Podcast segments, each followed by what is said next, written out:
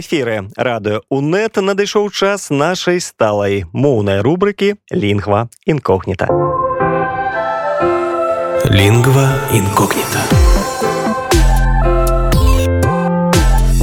Вітаю вас шаноўныя сябры ў чарговай праграме пра нашу беларускую мову лінгва інкогніта з вами Андрусь гаёвы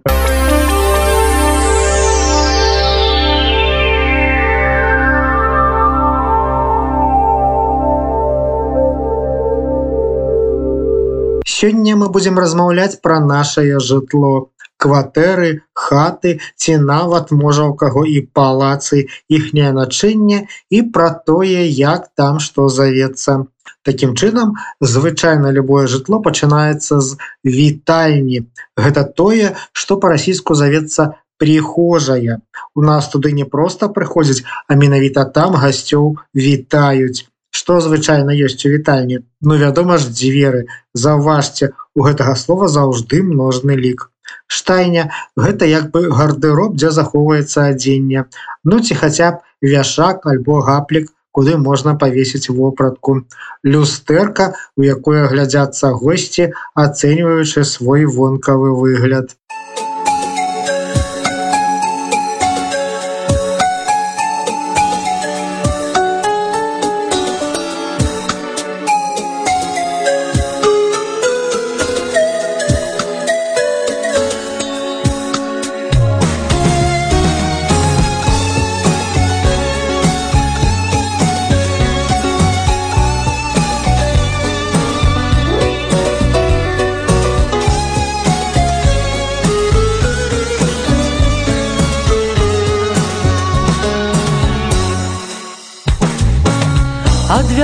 вякоў далёкіх мусіць кажуць так на беларусі что пустая хата без гасцей гость у доме появіўся хай хоць з неба ён зваліўся ты заві за стол яго хутчэй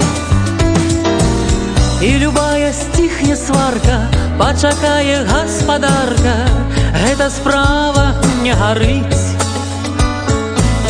І не чарка і не скварка, а галоўнае пагаварыць. Госці мае, дарагія мае, залатыя мае. Дрэнна без вас і парою вячэрняй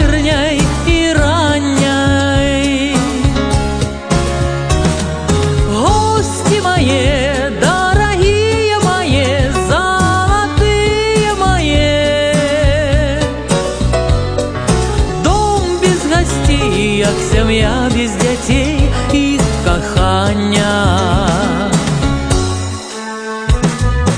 Далей госця звычайна запрашаюць у гасцёўню альбо залу. Заўважце жаночы род. У гасцёўні абавязкова мае быць канапа, фатэль, магчыма некалькі крэслаў, на падлозе хутчэй за ўсё будзе дыван. І вось тут варта звярнуць увагу на назвы прадметаў мэблі ды інтэр'еру каб не блытацца ў іх.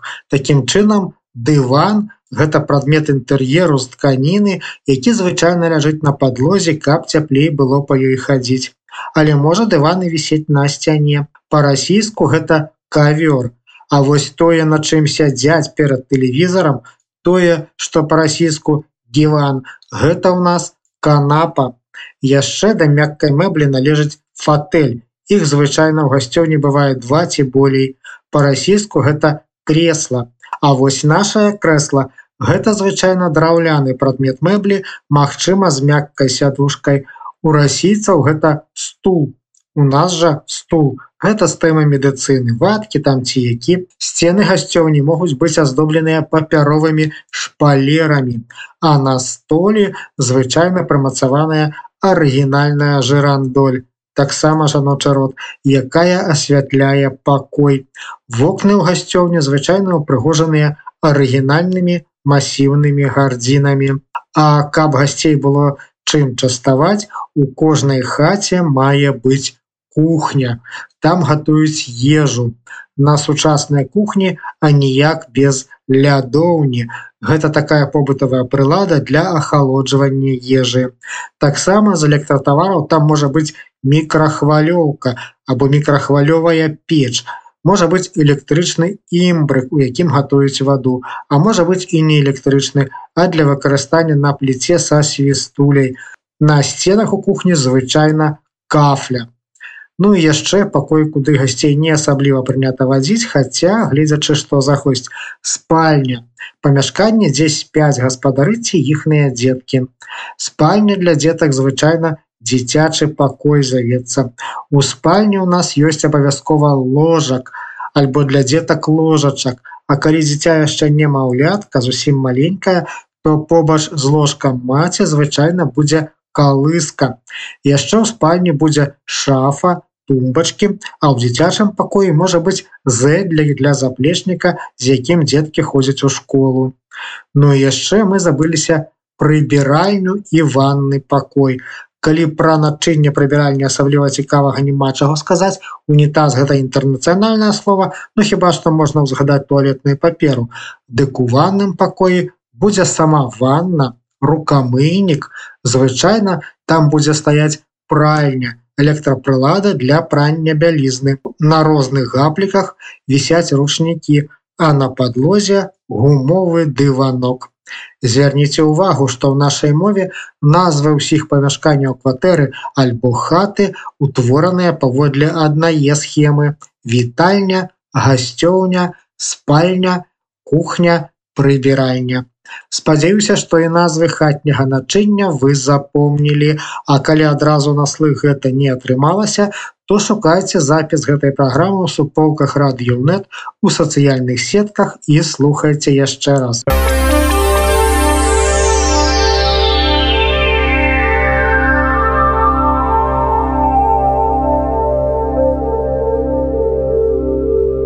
Граматычнай частцы мы сёння узгадаем такую спецыфічную для беларускай мовы рысу, як наяўнасць падоўжаных або доўгіх зычных у пазіцыі паміж галоснымі. На пісьме падоўжаныя зычныя перадаюцца пры дапамозе падвоенага напісання адпаведных літар за выключэннем падоўжанага гука з, які на пісьме перадаецца камбінацыя з трох літар.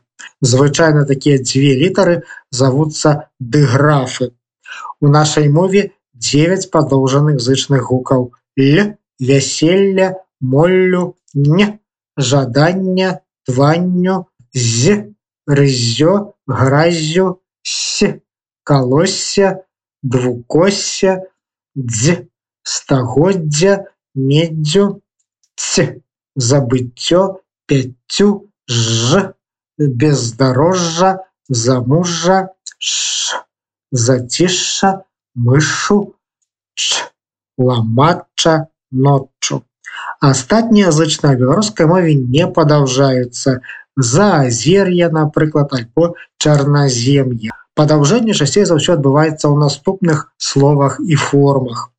У назоўніках ніякага роду са значэннем зборнасці судча, бадылле, скулле, у адзеяслоўных назоўніках кіравання, распяцце, чытанне.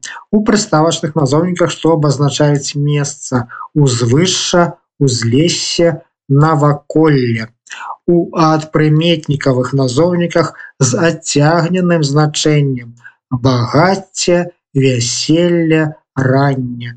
У некаторых назоўніках жаночага роду Тацяна, Наталля, бягуння. У форме творнага склону адзіночнага ліку назоўнікаў жаночага роду з нулявым канчаткам. Ціш цішшу гразь гразю гніль гніллю. У творным склоне лічэбнікаў 5 5 10 10 30 30 у некаторых прыслоўях утвораных адназоўнікаў ноччу уваччу Звярніце ўвагу на тое, што ў запазычаннях звычайна падоўжаныя зычныя не перадаюцца ў адрозненні ад расійскай мовы. Антэна, праграма, метал, ала, марока. Аднак ёсць шэраг выключэнняў: манна, панна, ванна, міра, Мадонна, Саванна, Ганна, Жанна, Сюзанна, ну і Мекка.